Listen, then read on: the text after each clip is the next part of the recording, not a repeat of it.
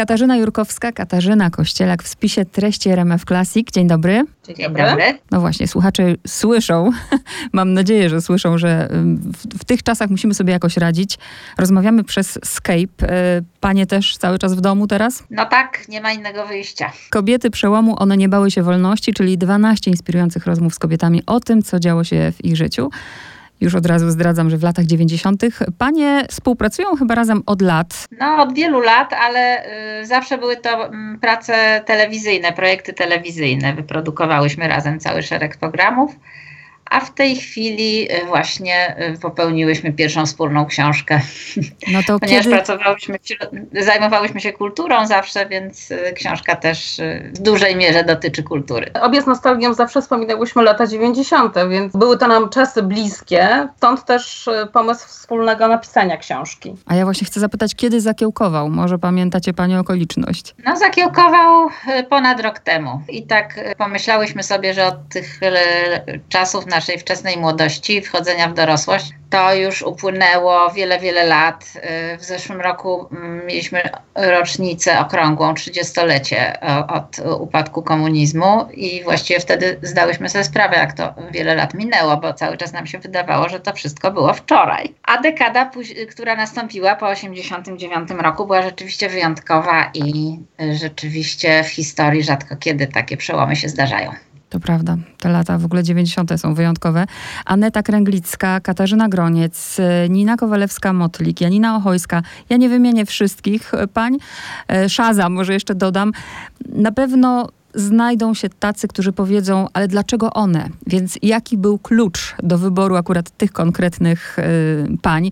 Co do Anety Kręglickiej, to nie mam na przykład chyba żadnych wątpliwości, bo to jest taki symbol, można powiedzieć, tych czasów, y, ale jaki był klucz? Klucz był tak naprawdę bardzo subiektywny, bo chciałyśmy, aby książka jest zbudowana tak, że każdy rok to jest jedna kobieta. Czyli mamy od 89 roku, kończymy tą dekadę na 2000 roku i chciałyśmy też pokazać w tej dekadzie różne dziedziny, zarówno biznes, y, reklamę, y, sztukę, sztukę, ale bardziej w postaci filmu, teatru, modę lat 90. i stąd, y, stąd wybór naszych bohaterek, które w jakiś sposób według nas zapisały się, to były takie nazwiska wówczas głośne i, i chciałyśmy żeby nie tylko przedstawiać właśnie ich historię, ale też przedstawić historię jakichś dziedzin życia społecznego, obyczajowego, kulturowego, które miały wtedy niesamowite, w których zaszły niesamowite przemiany wówczas. Miałyśmy takie założenie, że to ma być historia alternatywna do historii politycznej. Dlatego, że o tych czasach, o czasie przełomu, jeżeli y, cokolwiek udaje nam się przeczytać, to raczej jest to kalendarium wydarzeń politycznych. Natomiast nam chodziło o nasze życie, które wtedy biegło, ono się wtedy toczyło, bardzo się e, dynamicznie zmieniało i dlatego sięgnęłyśmy po takie nieoczywiste może bohaterki, bo tam na przykład nie ma, no jedyna oczywista kobieta symbol to jest Aneta Kręglicka, nie dało się tego uniknąć. E, natomiast później zastosowałyśmy rzeczywiście taki trochę subiektywny wybór i chodziło o to, żeby w tle zobaczyć e, to, co Kasia mówiła, te przemiany, to nasze życie, tą, tą, tą wielką zmianę obyczajową i kulturową. Chciałyśmy też, żeby każda kobieta, e, dziewczyna z lat 90., która wspomina te czasy, która właśnie rozpoczynała swoje swoje życie zawodowe, nie wiem, która wychodziła za mąż, która rodziła dziecko, znalazła też w tych historiach naszych bohaterek trochę siebie, bo to były też y, zwyczajne dziewczyny. Zwyczajne, niezwyczajne. A jak wyglądała tak. praca nad tą książką? Chodzi mi też o to, czy, mm, nie wiem, podzieliłyście się panie, słuchaj, ja uwielbiam Anetę Kręglicką, to ja ją biorę. jak, jak to wyglądało? Spotykałyśmy się z naszymi bohaterkami razem i sobie y, odbywałyśmy te rozmowy godzinami w takim trójkowym układzie. Natomiast y, później przy opracowywaniu rozdziałów to oczywiście musiałyśmy się podzielić rozdziałami, ale jednocześnie zawsze jedna dawała drugiej do przeczytania, do korekty. Tutaj nanosiłyśmy sobie wzajemnie uwagi i to była bardzo zgodna, harmonijna współpraca. To, co mnie bardzo zaskoczyło i tu na plus, naprawdę na plus, bo spodziewałam się, nie zaglądając jeszcze do tej książki, że to po prostu będą wywiady. I nagle zaczynam czytać i dostaję tak naprawdę pierwszoosobową narrację, gdzie każda z tych kobiet tak naprawdę opowiada o sobie. Także to wymagało y, takiego wycofania się, prawda? Tak, ale to było też trudne, bo chciałyśmy też w każdym z tych, z tych rozdziałów, żeby zachować też y, obraz bohaterki, jej sposób mówienia, żeby czytając, czytając ich historię, można było sobie wyobrazić daną bohaterkę, ją, tak? Zresztą miałyśmy takie sygnały, że osoby, które znają, nie wiem, Ninę Kowalewską, czy, czy jakąś inną z bohaterek mówią nagle, ojej, to, to jest, to tak jakbym słyszała Ninę, tak? Czy tak jakbym słyszała Anetę Kręglicką. Czyli, czyli cieszymy się, że udało nam się zachować jednak styl pań, tak? Sposób mówienia, ich sposób bycia, y, ale też przepuścić tę historię przez siebie. A czy były, mm, zanim przejdziemy do, do chociaż kilku bohaterek, czy były jakieś rozmowy y, i inne kobiety, które no, nie weszły do tej książki? Oczywiście, że były, ale nie powiemy, kto to był. były takie panie, które uznały, że jeszcze za wcześnie, żeby podsumowywać swoje życie, nawet jeżeli chodzi o jakiś tylko Y, fragment tego życia i po prostu nie, nie zgodziły się na udział w tym projekcie. No, mają do tego prawo oczywiście. Gdyby tak zebrać, co łączy te kobiety, nie myślę oczywiście o cechach charakteru, chociaż też krótko. Ja myślę, że je łączyła bardzo, y, bardzo, łączyło bardzo silne pragnienie właśnie wolności, ale wolności rozumianej jako takie samostanowienie o sobie, decydowanie o sobie, życie po swojemu. Żadna z nich nie chciała żyć tak jak jej rodzice. No po prostu rodzice należeli już do zupełnie innego świata, tego szarego PRL-u, nawet jeżeli często to były bardzo szczęśliwe domy, ale te dziewczyny już chciały obrać własną drogę, chciały skorzystać z możliwości, jakie stwarzał ten nowy świat chciały żyć po, po nowemu i miały, y, miały ambicje. Miały ambicje, ale to były właściwie marzenia. One chciały po prostu pięknie żyć w tym nowym świecie, który się rodził i one były pełne ciekawości tego świata i były bardzo zachłanne na, to, na ten świat. I to, co mówi Kasia, łączyła też je determinacja w realizacji tych marzeń, w dążeniu do swoich celów. One, one wiedziały, że to jest taka szansa od losu, która może się nie powtórzyć, że, że nagle przyszła ta wolność i mogę wyjechać za granicę, mogę wyjechać do innego miasta, mogę otworzyć własny biznes. One potrafiły to wykorzystać, chciały to wykorzystać. Poza tym, pomimo, że oczywiście one tworzyły y, także szczęśliwe związki, zostawały matkami, zakochiwały się, y, to y, trochę inaczej już zaczęły postrzegać rolę kobiety. Znaczy, kobieta nie, ich zdaniem nie musiała już być tylko tą osobą taką przy mężczyźnie, kobiet, osobą na drugim planie, poświęcającą się a często takie właśnie były ich matki. Tylko e, ta kobieta lat 90. to jest osoba, która staje na własnych nogach, ma własne marzenia, walczy o prawo do decydowania o własnym losie. E, chociaż oczywiście o takich potrzebach swoich jak miłość, jak macierzyństwo nie zapomina i to też w tej książce jest. Nie jesteśmy w stanie, nawet, nawet chyba nie chciałabym, żebyśmy po prostu rozmawiały o każdej z bohaterek, bo to jest przyjemność dla tych, którzy pamiętają tamte czasy podwójna, bo rzeczywiście można się przenieść dla, dla młodszych odkrywania, ale na pewno ym, ja bym chciała porozmawiać o Anecie Kręglickiej, bo taka jakby powszechna świadomość, e, wiadomo, Miss Świata. E, wszyscy chyba pamiętamy ten moment i nawet dokładnie te suknie, ale mało kto wie i ja też wielu rzeczy nie wiedziałam, na przykład nie wiedziałam właśnie o tym, o tym lisku, ale też nie wiedziałam o tym, jak bardzo wspierającą rodzinę miała Aneta Kręglicka. Tak, Aneta Kręglicka wielokrotnie powtarzała nam podczas rozmowy, jak wielką siłę wyniosła z domu. Ona miała niesamowity kontakt z nieżyjącym już niestety ojcem jej, Natomiast y, również, również cała rodzina, tak, czyli mama, tata i to była ukochana jedynaczka, ale ona zawsze od dziecka czuła tą siłę i czuła to, że ją wspierają i rodzice dawali jej też wolność, wolność decyzji i, i prawo do własnego zdania. Nawet jako mała dziewczynka, jak wspomina, potrafiła stanąć na środku pokoju i powiedzieć, ja uważam, że tak będzie dobrze i rodzice mówili, dobrze, przekonaj się i, i myślę, że to y, pozwoliło jej później dokonywać tego, czego dokonała czyli tych wyboru, y, startowania w wyborach. Zresztą to ojciec bardzo dopingował, żeby Aneta Kręgliska wystartowała w wyborach. Dla niej to się wtedy wydawało w ogóle, że to do niej nie pasuje. Ona to jest taką poważną studentką, ma w głowie wymyślenie własnego biznesu i chciałaby zobaczyć w zupełnie inną stronę, jednak ojciec chciał, żeby Aneta wystartowała, bo uważał, że jest y, piękna, ale też oczywiście wtedy trafiła Aneta na taki czas, kiedy zaczęto trochę inaczej, szczególnie jeśli chodzi o wybory Miss Świata y, patrzeć na, na kobiety. Y, chciano, aby były nie tylko piękne, ale i mądre. Tak? I Aneta trafiła doskonale w ten czas, w ten pomysł na to, żeby żeby pokazać się również z tej strony, że jest nie tylko piękną buzią, ale ma też coś do powiedzenia. Tak, i to bardzo dużo, znająca języki, ten motyw, kiedy opowiadała e, o tym, jak wyglądał jej, bo nie chciała odpuścić, że nawet groziło jej odebranie przecież korony, ale dla niej ważniejszy był egzamin, prawda, magisterski bodajże wtedy. Tak, ale też wspomniała, że wciąż musiała tak naprawdę udowadniać, że jest nie tylko piękną buzią, tak, bo, bo musiała właśnie zdać ten egzamin magisterski. Jak mówi, wcale to nie było łatwo, że ktoś, że profesorowie patrzyli na nią z przymrużeniem oka. To jest nasza mistrz świata. To... Rek, przepraszam się wtrącę, chyba sam rektor przyleciał na ten egzamin tak, tak. magisterski. Tak. Tak, tak ciekawy, jak odpowiada mi świata. Tak. No i powiedzmy też o Anecie Kręglickiej już e, właśnie mm, po 89 roku, bo może mało kto wie, niektórzy może myślą sobie, ach, żyje z tego, że została mistrz świata, a to jest kobieta biznesu. Tak, Aneta, tak. Aneta, wspominałyśmy, Aneta od początku wiedziała, że chce pracować w biznesie. Wtedy ten 89 rok otworzył też nowe przed nią y, perspektywy, bo stała się sławna i wiedziała, że ma tą sławę chce wykorzystać właśnie w ten sposób, że, że to jej otworzy różne drzwi, ta jej popularność, bo tutaj trzeba wspomnieć, że po prostu popularność wówczas Anety Krajnickiej to była naprawdę, ona była taką pierwszą celebrytką tych nowych czasów. No, jak wróciła z wyborów Miss Świata, ona miała wręcz objazd taki po Polsce, gdzie witano ją jak księżniczkę. Ona była zdziwiona, co ja takiego zrobiłam. Ja przecież tylko wygrałam konkurs, nic takiego się nie stało. Ona nie mogła uwierzyć w to, że nagle wielkie gwiazdy, które znała z polskie, które znała z, wcześniej z telewizji, z, z, gazet, nagle był taki koncert dla Anety zorganizowany i one występowały przed nią, kłaniając się przed nią jak przed królową.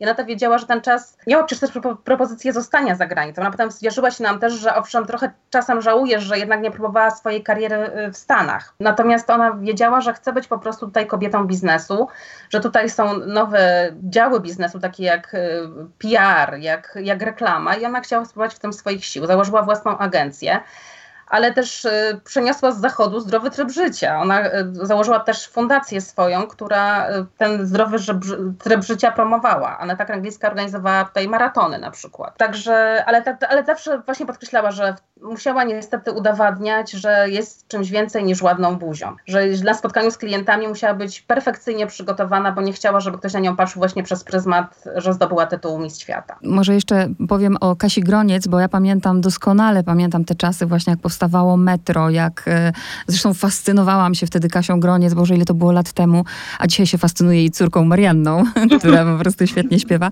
ale też nie wiedziałam, nie wiedziałam tych rzeczy i to też pokazuje, bo każda z tych kobiet jakby no, z innej rodziny pochodziła, e, inne miała wsparcie od rodziców.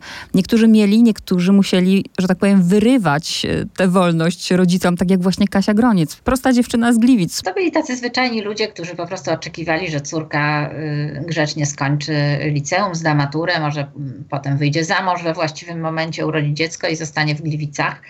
Y, ale Kasia Groniec y, była takim niespokojnym duchem, która też miała swoje marzenia. Y, marzył jej się inny świat niż ten, który znała na co dzień i mm, tutaj zbuntowała się. To naprawdę ten bunt był dosyć taki głośny i poważny, bo tam miała miejsce kłótnia w rodzinie, kiedy Kasia ogłosiła, że właśnie rzuca szkołę jeszcze przed maturą i wybiera się na eliminację do musicalu jakiegoś muzykalu, o którym nikt nic więcej nie wiedział, tylko po prostu przeczytała ogłoszenie w gazecie. I to też y, jest właśnie typ takiej dziewczyny nowych czasów, która y, jest odważna, potrafi zaryzykować. Y, Kasia wprawdzie chłopak tam bardzo wspierał, bo ona ze swoim chłopakiem z Gliwic wyjechała do, najpierw do Wrocławia na eliminację, bo to były wieloetapowe eliminacje prowadzone przez Janusza Józefowicza. Potem ten związek się rozleciał i Kasia znalazła się w Warszawie, dla niej wówczas w wielkim świecie i Y, zachwyciła się y, tą swoją pracą w teatrze, musicalem Metro. Zresztą to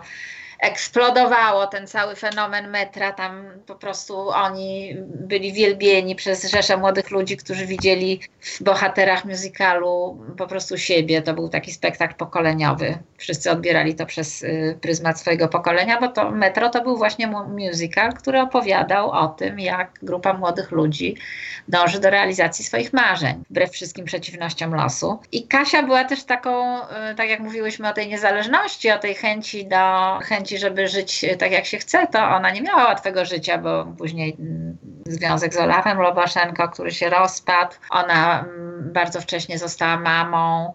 Właściwie była skazana na samotne macierzyństwo tutaj w Warszawie i na utrzymanie siebie i dziecka, ale jakoś i naprawdę przeszła wiele zakrętów, natomiast wyszła z tego zwycięsko i zrealizowała się jako artystka, chociaż ona sama twierdzi, że nie jest do końca spełniona, jeszcze ma może większe plany.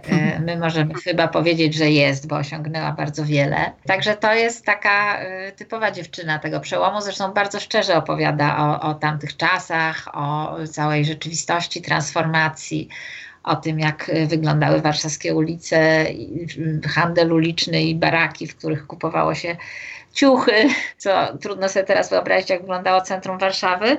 To jest bardzo szczera opowieść, tak zaprawiona taką ironią, poczuciem humoru, Kasi, bo jest to osoba bardzo bystra, inteligentna, z dużym poczuciem humoru i autodystansem. Tak, ale też jest ciekawe, jak zmieniły się czasy, bo teraz, kiedy mamy mnóstwo talent show i rodzice już małych dzieci wysyłają je po to, aby zdobyły karierę, tutaj rodzice Kasi, dla nich wciąż najważniejsza była matura. I kiedy Kasia wygrała te castingi było jasne, że ona wystąpi w mecz, to oni przyjechali do Warszawy i tak naprawdę wymusili trochę słownie na Januszu Józefowiczu i na Stokłosie Januszu, że, żeby, żeby przyrzekli, że Kasia zda maturę. Także te czasy się naprawdę zmieniły. Dla nich wciąż ta matura była najważniejsza niż jakiś niepewny, niepewny musical i, i kariera muzyczna córki. Tak, tak. Właśnie pomiędzy tymi historiami dostajemy też obraz właśnie tej rzeczywistości, roli rodzica i tego właśnie, jak to się wszystko zmieniało. A tutaj pani wspomniała też o tej szczerości.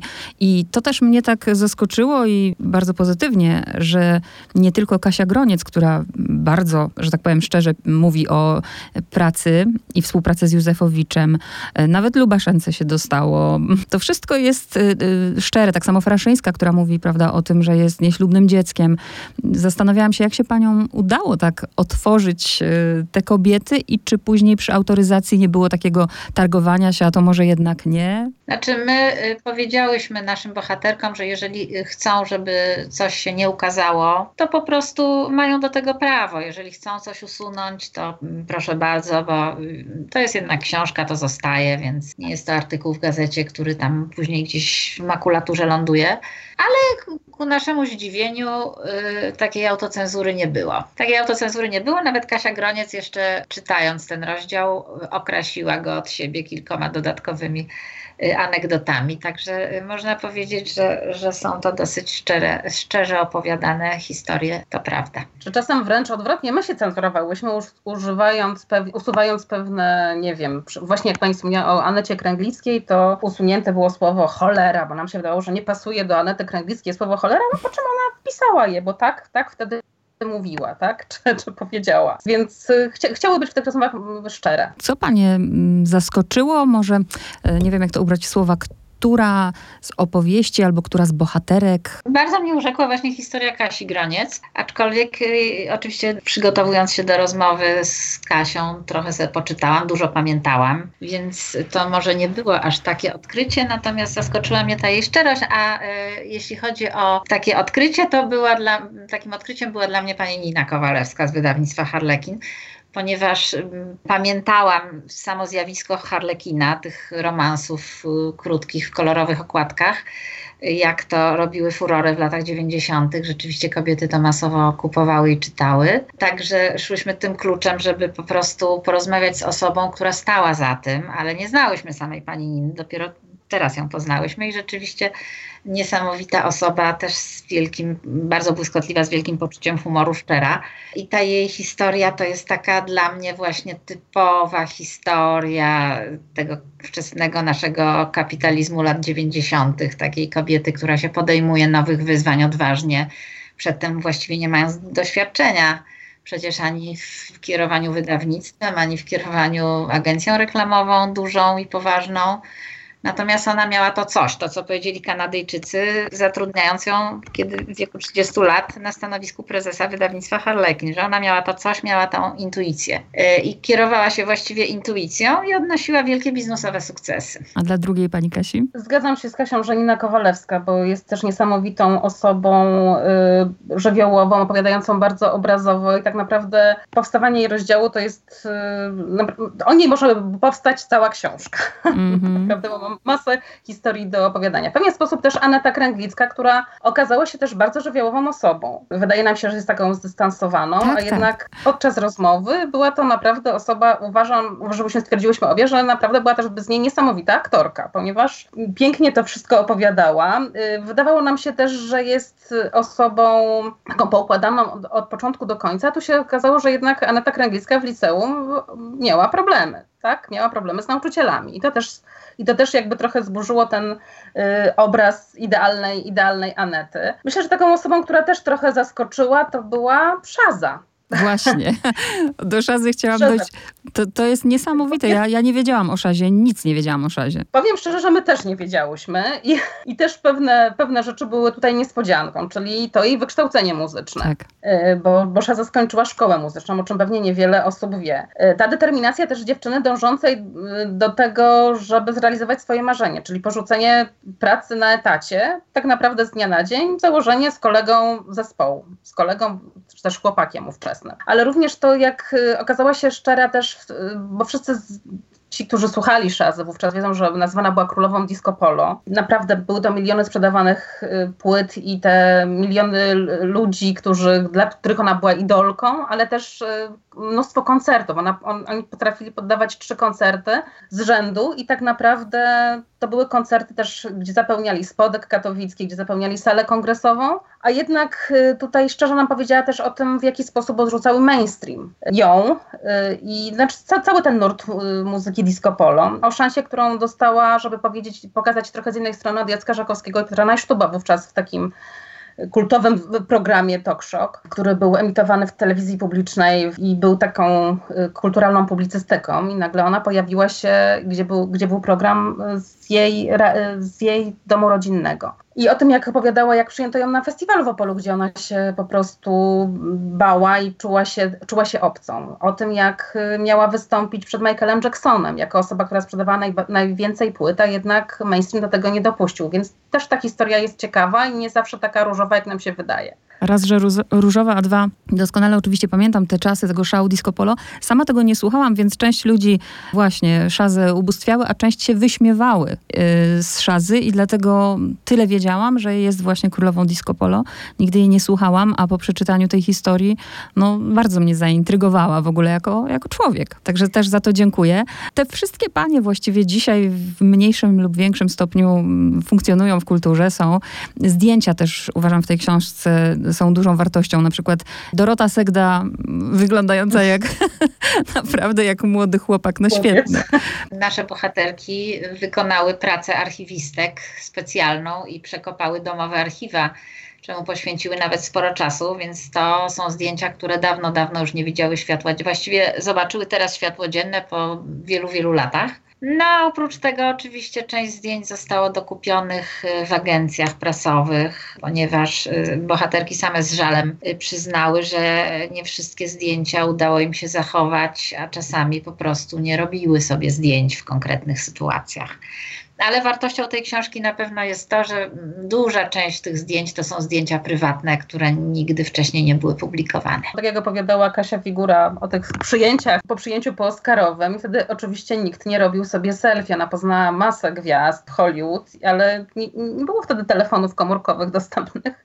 I ona mówi, że, że nie ma z tego okresu zdjęć, kiedy tak naprawdę poznała największe gwiazdy wówczas. Wiem, że z Robertem De Niro poznała tak. się Johnem Deppem młodym, że naprawdę tak, dużo, Roberts. Nie jesteśmy w stanie oczywiście porozmawiać o wszystkich e, bohaterkach, ale czy one tęsknią? Na pewno w jakimś stopniu tęsknią, bo to była ich młodość, ale tęsknią za latami dziewięćdziesiątymi? Różnie, różnie, bo też ten okres, on bardzo twórczy był dla nich i rzeczywiście ciekawy, e, no ale dla niektórych był też trudny, bo na przykład Iwona Guzowska, bokserka, mistrzyni świata w boksie zawodowym, to otwarcie przyznaje, że to był bardzo trudny czas dla niej, bardzo burzliwy, czas dojrzewania burzliwego. Ona przede wszystkim pochodziła z, y, z trudnego domu, bo była adoptowanym dzieckiem y, rodziny, w której y, no, był alkoholizm, pomimo że bardzo kochani byli ci rodzice, ale jednak ojciec pił No Iwona dosyć wcześnie została mamą, bo chyba w wieku 17 lat to małżeństwo się rozpadło, więc tam było bardzo, bardzo dużo różnych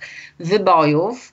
Ona bardzo dużo w tym okresie osiągnęła, ale też bardzo dużo musiała walczyć też w sensie życiowym, więc nie wiem, czy za takim y, okresem się tęskni. Ona przyznaje otwarcie, że to ją bardzo wzmocniło i zbudowało, y, więc to jest wartością dla niej tego okresu. No, część z nich na pewno tęskni za takim czasem właśnie młodości, co to się zawsze dobrze wspomina, niezależnie od tego, co by się wtedy historycznie działo. Niektóre bardziej idealizują ten czas, inne mają nawet dosyć y, krytyczne spojrzenie, jako na taki czas, który miał swoje blaski, ale też dużo cieniów i mroków tam było w tych 90 latach, więc więc to każdy rozdział się kończy takim podsumowaniem tej dekady. Każda z bohaterek mówi o mojej dekadzie, o swojej dekadzie yy, i te refleksje są bardzo różne. Jak mówi Jolanta Fraszyńska, teraz wszystko dla niej spastelowiało, wtedy było bardziej intensywne. Uważała, że świat, te lata 90. były bardziej kolorowe, wyraziste w kolorach. Z kolei Janka Ochojska wspomina, chociaż to był bardzo trudny czas, ten zorganizowanie pierwszego konwoju do Sarajewa to graniczyło z cudem. W ogóle wtedy powstały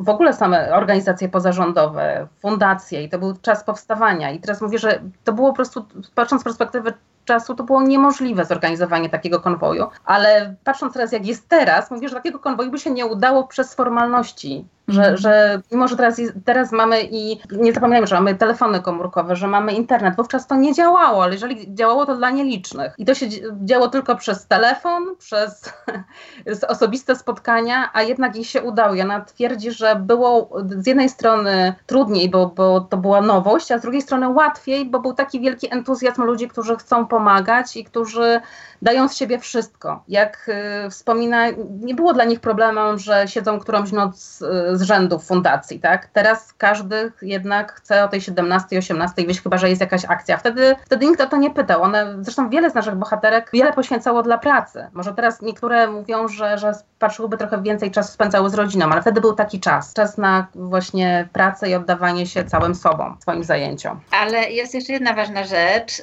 bo niezależnie od tego, czy one tęsknią, czy nie tęsknią do tamtego czasu, czy go idealizują, czy nie, to te bohaterki, one wszystkie bardzo entuzjastycznie odniosły się do tego pomysłu na książkę. Wszystkie zgodnie uznały, że to jest bardzo dobry pomysł, żeby o tych czasach opowiedzieć, że te czasy były na tyle ciekawe, że zasługują na to, żeby ktoś je opisał, właśnie nie z tej perspektywy politycznej, tylko y, takiej życiowej i że dla nich był to bardzo ważny czas, praktycznie najważniejszy czas w życiu, który ich zbudował, to je prawda. zbudował. To prawda. Czasem właśnie idealizujemy i tęsknimy za tym analogowym światem, ale gdyby nie, gdyby nie możliwości dzisiejszego świata, no to nie rozmawiałybyśmy, prawda?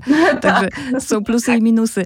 A dzisiaj kobiety mają łatwiej, nie muszą walczyć o wolność? Myślę, że mają inaczej, ale znaczy ja nie jestem jakąś wojującą feministką, ale cały czas uważam jednak, że kobiety mają jeszcze do, pokaz- do pokonania pokonania y, cały tor przeszkód. Jest coś takiego jak szklany sufit, że cały czas kobiecie jest jednak trudniej przebić się, właściwie chyba we wszystkich dziedzinach niż mężczyźnie. Są cały czas bardzo zdeterminowane i odważne, może nawet jeszcze bardziej, ale cały czas są bariery do pokonania, chociaż no jest to zupełnie, też mają inny start młode dziewczyny niż każda z naszych bohaterek praktycznie powiedziała, że to, co dokonały wtedy, dzisiaj być może w dzisiejszych warunkach y, nie mogłyby tego powtórzyć bo okoliczności są po prostu inne. Poruszamy się po prostu w zupełnie innej rzeczywistości, ale y, ludzie myślę, że są tacy sami, też mają podobne marzenia. No może, no może nie marzą tak bardzo o wolności i niezależności jak tamte kobiety, dlatego że tamte kobiety wiedziały, czym jest brak wolności. Pamiętały tą poprzednią epokę, kiedy myśmy byli pozbawieni wolności, byliśmy cząstką systemu. Teraz wolność jest tak czymś naturalnym, że trudno mhm. sobie wyobrazić, że można to utracić. Ale też kobiety są teraz bardziej świadome pewnych, y, pewnych spraw, problemów, bo zarówno Kasia Groniec, jak i, jak i Jolanta Fraszyńska wspominają jako które zostały bardzo, bardzo młodo y, matkami, tak? One miały dwadzieścia kilka lat, czy tam dwadzieścia, czy tak samo Iwona Głosowska, ale akurat ona nie mówiła o o depresji, ale zarówno Kasia Groniec, jak i, jak i Jolanta Fraszyńska miały depresję. O tym teraz wiemy, że coś takiego istnieje. Wówczas to był temat tabu. W ogóle lekarze, tak jak Kasia Groniec poszła do lekarza mówiąc, że czuje się fatalnie i to w ogóle nie znalazła zrozumienia, że może być przeciążona jako młoda matka, że, że, można, że można mieć różne nastroje, a teraz jednak kobiet, mówimy wiele o depresji poporodowej, która może kobiety dopaść. Wtedy tego, tego o tym nie mówiono. Dzisiaj, jak pani mówiła o tym, że dzisiaj nie wiedzą, czym jest brak wolności, to ma, mamy na namiastkę, jak ciężko wytrzymać w mieszkaniu, prawda, przez sześć dni. A na Oj, koniec, tak, a będzie jeszcze dłużej. a na koniec o okładce jeszcze kilka słów. A na okładce jest y, Blanka Poksińska. To jest zdjęcie z 93 roku. Blanka była modelką mody polskiej. Moda właściwie już w jej schyłkowym okresie, dlatego że moda polska to przeżywała swoje największe sukcesy w latach 70., jeszcze wcześniej 60., właściwie cały PRL. To był taki główny dom mody PRL-u. No i Blanka była taką typową dziewczyną, typową buzią lat y, 90. Y, Dynamiczna, młoda, nowoczesna dziewczyna, która zamarzyło jej się, żeby zostać modelką.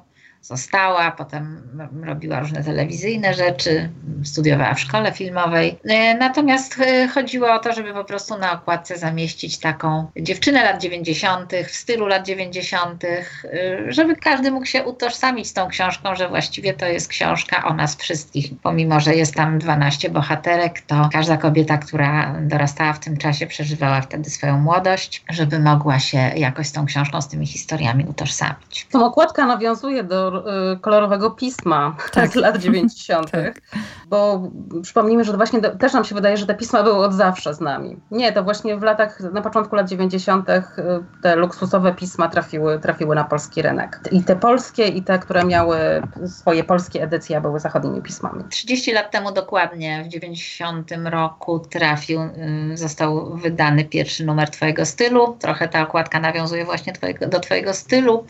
Cztery lata później ukazała się polska edycja L i właściwie to były takie pisma, które uczyły polskie kobiety stylu, uczyły polskie kobiety jak sobie urządzać życie, świat, trochę jak takie przewodniki troszeczkę po życiu, po tej nowej rzeczywistości. One miały trochę inną rolę niż teraz. A ta dwunastka to wyszła przypadkowo, czy to celowe miało być nawiązanie do tej dwunastki, symbolu doskonałości? No raczej chodziło o yy, lata. Lata, tak? Aha, że... Pierwszym rokiem miał być 1989, a ostatnim rok 2000, czyli próg nowego milenium. Bardzo dziękuję za rozmowę. Bardzo dziękujemy.